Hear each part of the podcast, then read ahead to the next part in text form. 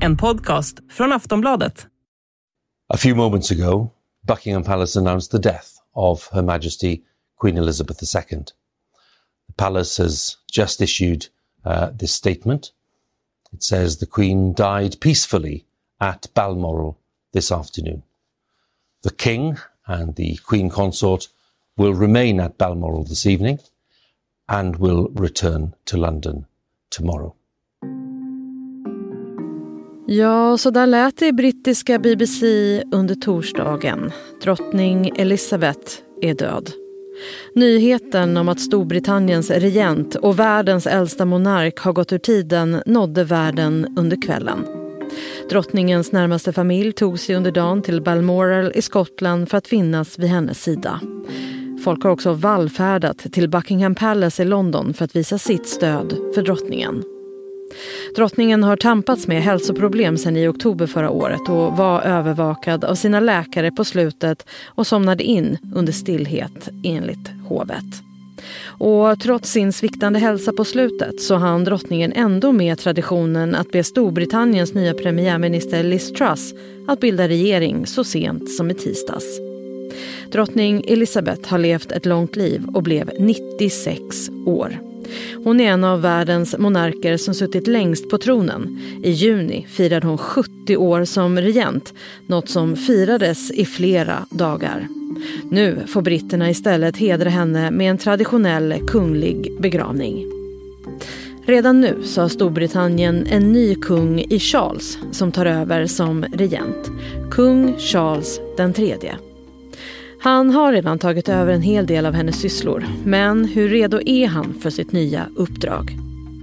Vem var drottning Elizabeth egentligen? Hur mycket påverkades hon av alla de skandaler hon tvingades genomleva? Och hur kan man bäst beskriva hennes avtryck i världen? Hur blir begravningen? Och vad händer nu med den stormiga brittiska monarkin? Dör den med drottningen? Allt det här pratar vi om i det här avsnittet av Aftonbladet Daily. Jag heter Jenny Ågren. Nu har jag med mig Jenny Alexandersson, vår expert på kungligheter. Jenny, hur går dina tankar just nu? Framförallt så går mina tankar till kungafamiljen och alla medlemmar av den. Drottningen var 96 år gammal. Det är en ålder som, som inte jättemånga når i vanliga fall och drottningen har levt ett oändligt spännande och eh, händelsefullt liv. Men det är ju ändå så att när man förlorar en, en så nära, så älskad och respekterad familjemedlem så är det ju en stor sorg. Så det är nog där mina första tankar går. Men, men sen också vad det här betyder för Storbritannien och, och för britterna och vilken, vilken förändring som, som de ändå står inför nu de flesta i Storbritannien har aldrig upplevt någon annan regent. Jag skulle säga ja, nästan ingen i Storbritannien har upplevt en annan regent. Och det avtryck som drottning Elizabeth har satt på, på britterna, på samväldet, det är enormt starkt. Det är ju så, drottningen har varit dålig under en tid. Hur var hennes sista tid? Jag tror ändå att den var ganska lugn och rofylld. Eh, I tisdag så såg vi henne ta emot eh, Storbritanniens nya premiärminister Liz Truss Eh, för första gången någonsin. Det var, det var drott, alltså första gången någonsin i Skottland. I vanliga fall så tar ju drottningen emot eh, i London på Buckingham Palace. Men på grund av försämrad hälsa och att hon inte är så rörlig längre så fick hon vara kvar på Balmoral och premiärministern fick istället resa dit.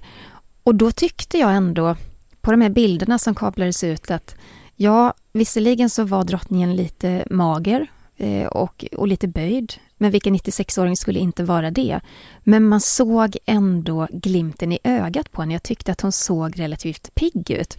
Och det är den där härliga glimten i ögat som, som jag kommer minnas väldigt mycket från drottning Elisabeth, att det fanns lite humor där. Det fanns lite, ja, lite lite Satan i gatan i henne, trots hennes kunglighet och trots hennes eh, väldigt så här, ja, men den respekt som, som följde med henne och ämbetet. Så jag blev eh, inte förvånad, för det var ändå väntat, men jag blev förvånad över att det ändå skedde så pass snabbt. Det, vi, vi pratar ändå om, om några dagar här. Ja, vi, vi, kommer väl få veta mer framöver vad det är som faktiskt har hänt de här sista dagarna kan vi, eh, vi tänka oss. Hon hade ju som du sa dragit sig tillbaka till Skottland och familjen flögs in och kördes dit under dagen. Vilka var det som kom dit? Alla hennes barn var på plats. Eh, Charles och Anne och Andrew och Edward med, eh, med respektive. Ehm, prins Andrew åkte ju själv, Fergie och eh, Andrew är ju skilda sedan lång tid tillbaka. Sen var ju också prins William på plats. Tyvärr så var inte prins Harry där när, när drottningen dog. Då befann sig hans privatjet fortfarande i luften och när han landade i Aberdeen så, så fick han ju då beskedet. Men, men han, han var på väg och nu är ju hela familjen samlad. Eh, det sägs ju att eh, Kate fortfarande eh, hon åkte inte med William till, till Skottland men hon har ju också, de har tre barn hemma som nyligen börjat skolan och som precis flyttat till ett nytt hus. Eh, självklart så kommer hon också ta sig till, till Skottland. Eh, Meghan är kvar i London och där kan man ju bara spekulera i att det handlar om den här frostiga relationen som hon har med eh, kungafamiljen. Att det kanske inte passade sig att hon var där just i den här svåra och väldigt stora stunden. Det är ju så att eh, efter att Harry och Meghan lämnade kungahuset förra året eh, så har hon ju varit väldigt vass mot kungahuset. I en intervju med Opera så anklagade hon kungafamiljen för att vara rasistisk och hovet för att vara väldigt känslokallt. Och sen dess har det följt en lång rad med intervjuer och andra sammanhang där hon har gett kungafamiljen tjuvnyp och vassa stick så jag tror att just den här sekunden, eller i den här stunden, så tog man beslutet att Meghan inte följer med Harry till Skottland. Och hur har nu då reaktionerna varit så här efteråt? Vi får ju redan säga kung Charles, eh, för det är så han tituleras numera. Hur, vad har han sagt?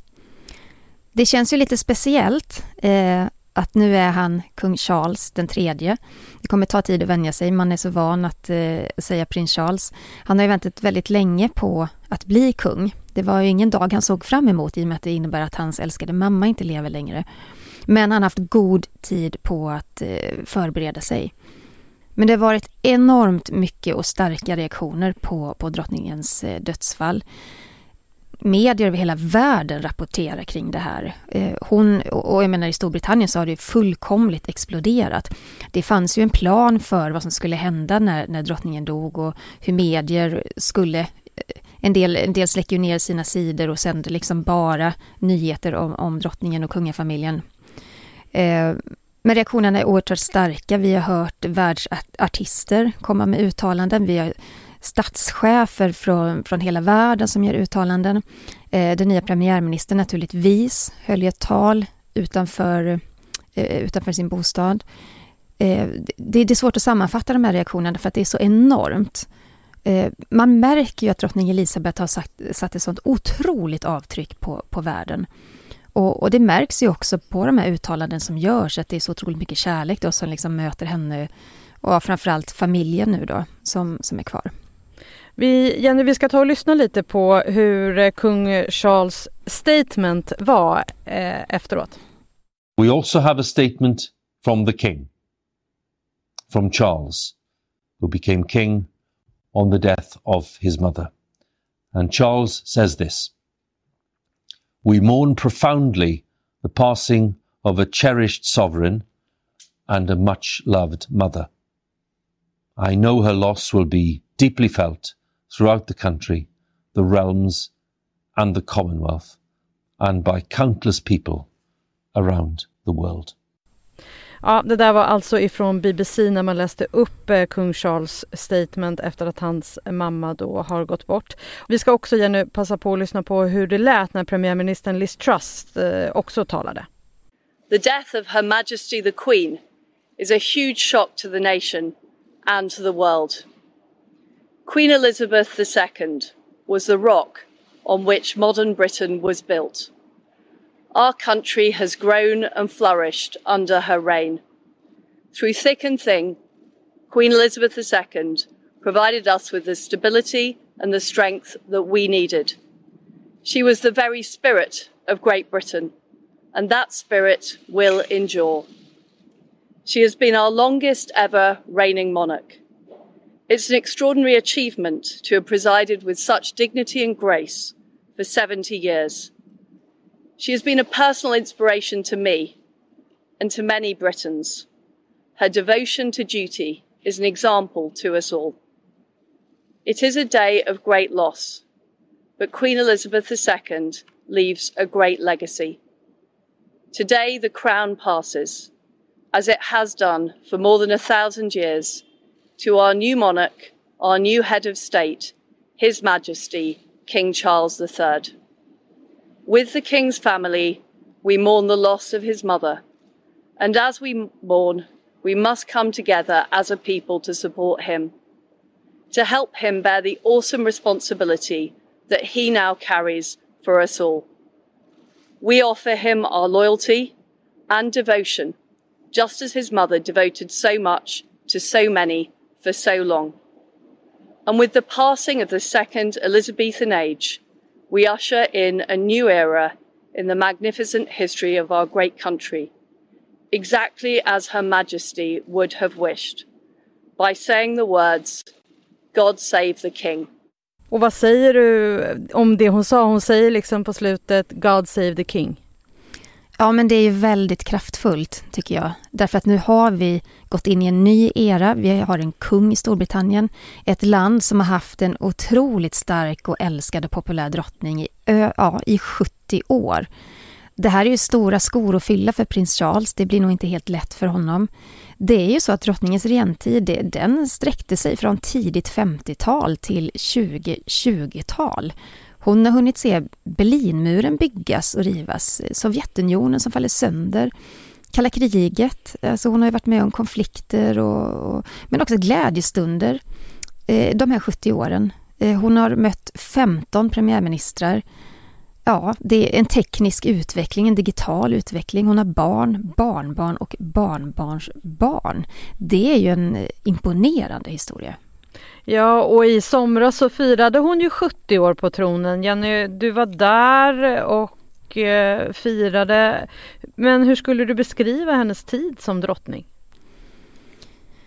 Jag skulle säga att hon är en, eller var en kraftfull symbol för det gamla och det nya Storbritannien.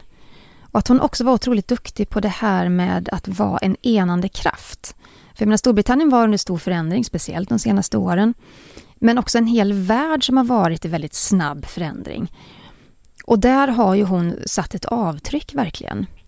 Och sen är det, det är ändå så, har man haft en sån lång regentid bakom sig, det är, eh, det är enormt mycket historia i det. Det är enormt mycket eh, kraft i det.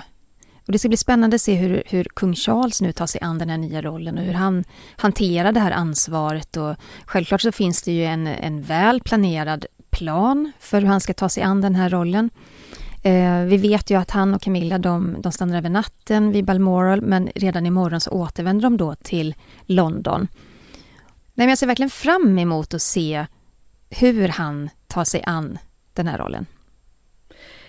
Sen är det ju så, vi kan inte blunda för alla de skandaler som har omgivit det brittiska kungahuset under många, många år under Elisabeths tid på tronen.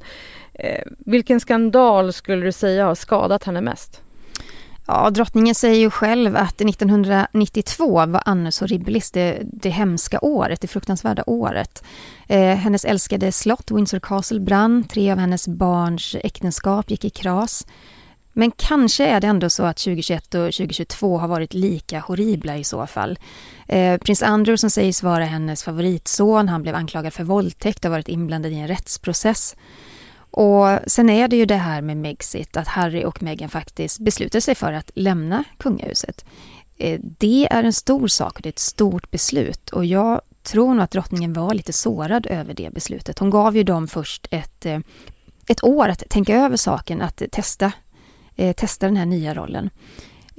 Men de bestämde sig för att de vill inte ha någonting med, med kungahuset och, och familjen att göra helt enkelt. Det tror jag tog hårt på henne. Sen är det ju så, hon är otroligt älskad eh, och har varit det under hela tiden av det brittiska folket. Hur, hur tar de emot det här nu?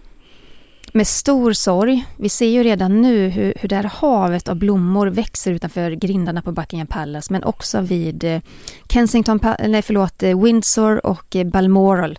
Framförallt Balmoral. Det, det vet jag att de redan för många timmar sedan bar ut kravallstaket för att man, och det var innan beskedet kom och det var ju för att man förberedde för sörjande människor att, eh, att liksom hålla dem på, på ett tryggt och bra avstånd helt enkelt. Eh, vi kommer se det i brittiska medier. Många, många sidor eh, har ju liksom för, förändrat sina hemsidor Många medier har förändrat sina hemsidor för att hylla drottningen. De har, de har blivit lite mörkare, det, det, är mer bilder på drottningen och det är det man rapporterar om och i stort sett ingenting annat. Eh, vi ser det bland Londonborna. Eh, vi såg ju bilder i tv-sändning här eh, som vi gjorde i samband med, eh, med, med att det här meddelandet kom om hennes dödsfall. Och eh, min kollega Petter i London, han, eh, han, han berättade det att eh, britter gråter, eh, att, att britter sörjer på ett sätt som att eh, hon vore en, en mycket närmare person för dem än, än bara en, en monark av ett land. Att man betraktade drottningen ja, men lite som en gammelfarmor, en, en person som alltid fanns där. Genom kriser, genom skandaler. Hon var alltid en fast punkt. Så sorgen är stor i Storbritannien, det är den verkligen. Och hur blir det nu med begravning? Ja, jag gissar ju att det här faktiskt kan bli den största kungliga begravning vi ser i modern tid.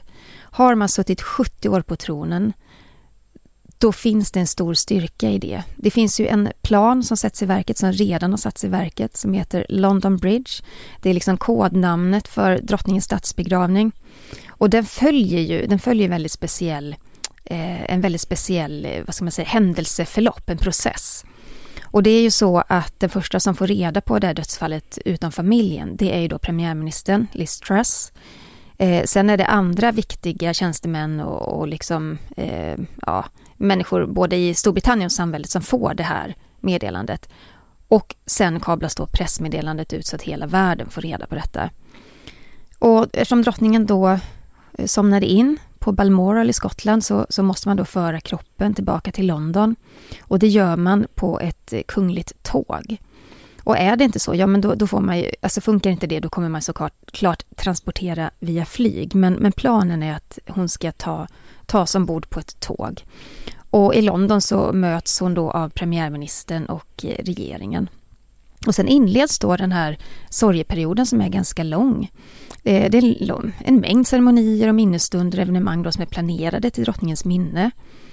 Och sen på dag fem så kommer det gå ett processionståg med drottningens kista från Buckingham Palace till Westminster. Och då har man förberett för att hundratusentals britter då ska sluta upp längs vägen. Och, och där tror jag, jag var ju då vid Platina-jubileet i, i somras och där var det så mycket folk, det var, det var ju flera hundratusen som hade samlats i, i London. Det fanns ju platser i London man inte kunde ta sig till därför att det var så fullpackat med människor. Polisen stängde ju av vissa delar nära slottet och, och motade bort folk. Och jag kan tänka mig att vid den här begravningen så kommer det vara otroligt många som vill hedra drottningen. Att vi kommer se samma sak där, otroligt mycket människor. Och på dag 10 då så sker själva begravningen i Westminster Abbey. Och det kommer hållas två tysta minuter i landet och där tror jag även att vår svenska kung och drottning kommer att vara med inne i Westminster. Eh, omkring 2000 gäster då kommer att eh, samlas i kyrkan. Och sen är det det här då med kung Charles och eh, när han tar över. Han heter redan kung Charles då. Eh, när blir han sen krönt? Ja, han är ju Charles den tredje. Det är han redan nu, han är kung av Storbritannien, men det här själva officiella, den officiella delen av att bli kung, eh, kröningen, vi har ju ingen sån i Sverige, vi har inte den traditionen. Men i Storbritannien har man det och det är en stor apparat och ett stort, eh, en stor händelse. Och då tror jag att man gör så att man väljer att vänta lite med den kröningen, kröningen för nu har man sorgeperiod och nu är det fokus på, på drottning Elisabeth och hennes begravning. Och så gjorde man ju också den gången då, då drottningen blev drottning. Eh, där väntar man nästan ett helt år på hennes kröning därför att man ville sörja klart då hennes far helt enkelt. Hur populär tror du att eh, kungen kommer bli? Det är väldigt svårt att, att spå kring det, eller sia kring det, därför att eh, han har ju en förebild som var enormt älskad och populär och omtyckt. En person som då suttit 70 år på tronen, det går ju inte att slå det. Prins Charles kommer aldrig kunna nå, av naturliga skäl, eh, det rekordet. Eh, drottningen har ju haft 70 år på sig att, eh, att vara förebild, att vara symbol. Och eh, det är stora skor att fylla för honom. Men det finns ju såklart redan en plan. Eh, Prins Charles är ju förberedd, väl förberedd för det här. Eh, han har enormt mycket bra rådgivare vid Buckingham Palace. Han har väldigt mycket goda och nära vänner som har följt honom hela livet. Det kommer gå bra för prins Charles, men han kommer ju aldrig kunna mäta sig med sin mamma. Och det är han medveten om, utan han måste skaffa sig ett eget sätt att hantera den här rollen, eh, att ta på sig det här ansvaret. Sen är det ju lite skavigt får man säga, därför att eh, Camilla, hans fru, har ju hela tiden, eller var ju den tredje personen i äktenskapet mellan Charles och Diana. Och det har britterna inte glömt. Men de år som har passerat sedan prins Charles och Camilla gifte sig har ju faktiskt lett fram till att man faktiskt respekterar Camilla väldigt mycket nu. Man, man, tycker om henne, man ser att hon gör ett otroligt bra jobb. Så attityderna mot henne har förändrats. Och sen hjälpte det ju till ganska mycket att drottningen i somras gjorde ett uttalande där hon önskar se Camilla som drottning. För det var nämligen så att när Charles och Camilla gifte sig, då gjorde hovet ett uttalande att eh, Camilla gör inte anspråk på någon drottningtitel utan hon kommer då vara Princess Consort. En, en, liksom en, lägre, en lägre titel. Men när drottningen sa att hon önskar se Camilla som, som drottning så är det ju också så det kommer bli, det är så det är. Och eh, det finns ju en helt annan respekt för Camilla idag än, än hur det var liksom för, för ja, 30 år sedan. Och det kommer ta lite tid innan man vänjer sig att säga kung Charles. Eh, Jenny, hur kommer du minnas drottning Elizabeth? Ja, hon har ju alltid funnits där så länge jag lever också. Eh, det, det, har bara varit så. Hon har bara varit den där symbolen hela tiden och, och någon som man förhåller sig till. Ehm, men det är klart att det starkaste minne jag har, det är ju ganska nytt då måste jag säga, därför att det handlar om det här platinajubileet i somras. Jag var i London och eh, bevakade firandet och det var fantastiskt måste jag säga. Ehm, nu orkade ju inte drottningen vara med på alla de här eventen, alla de här tre dagarna. Men man såg henne i början och man såg henne i slutet. Och ehm, det var ju fantastiskt. Och jag tror också att mitt intryck av just den stunden som var väldigt, eh, väldigt eh, stor för kungafamiljen och för britterna, det var ju att britterna var så otroligt glada, stolta och festade. Alltså de, de kan ju festa ordentligt. Ehm, jag minns när jag stod i den här folksamlingen i, på The Mall, den här paradgatan som leder fram till Buckingham Palace. Eh, man kunde se på stora skärmar allting som hände på den här enorma scenen man hade byggt upp då utanför slottet. Och eh, när drottningens, varje gång drottningens bild dyker upp och man projicerade också en bilder på henne på, på slottets fasad. Alltså då, jublet nådde ju inga gränser. Och när alla de här artisterna då hyllade henne med speciella låtar och, och så vidare så var det ju, det gick ju som, som en rörelse i den, i den här folkmassan. Det är svårt att förklara men, men det, det uppfattar en enorm, enorm kärlek till, till drottningen och det intrycket kommer, det kommer sitta kvar i mig. Jenny, tack så mycket för idag. Tack. Sist här Jenny Alexandersson som är Aftonbladets hovexpert. Jag heter Jenny Ågren och du har lyssnat på Aftonbladet Daily. Du kan läsa mer om allt kring drottning Elizabeth på aftonbladet.se. På återhörande. Du har lyssnat på en podcast från Aftonbladet. Ansvarig utgivare är Lena K Samuelsson.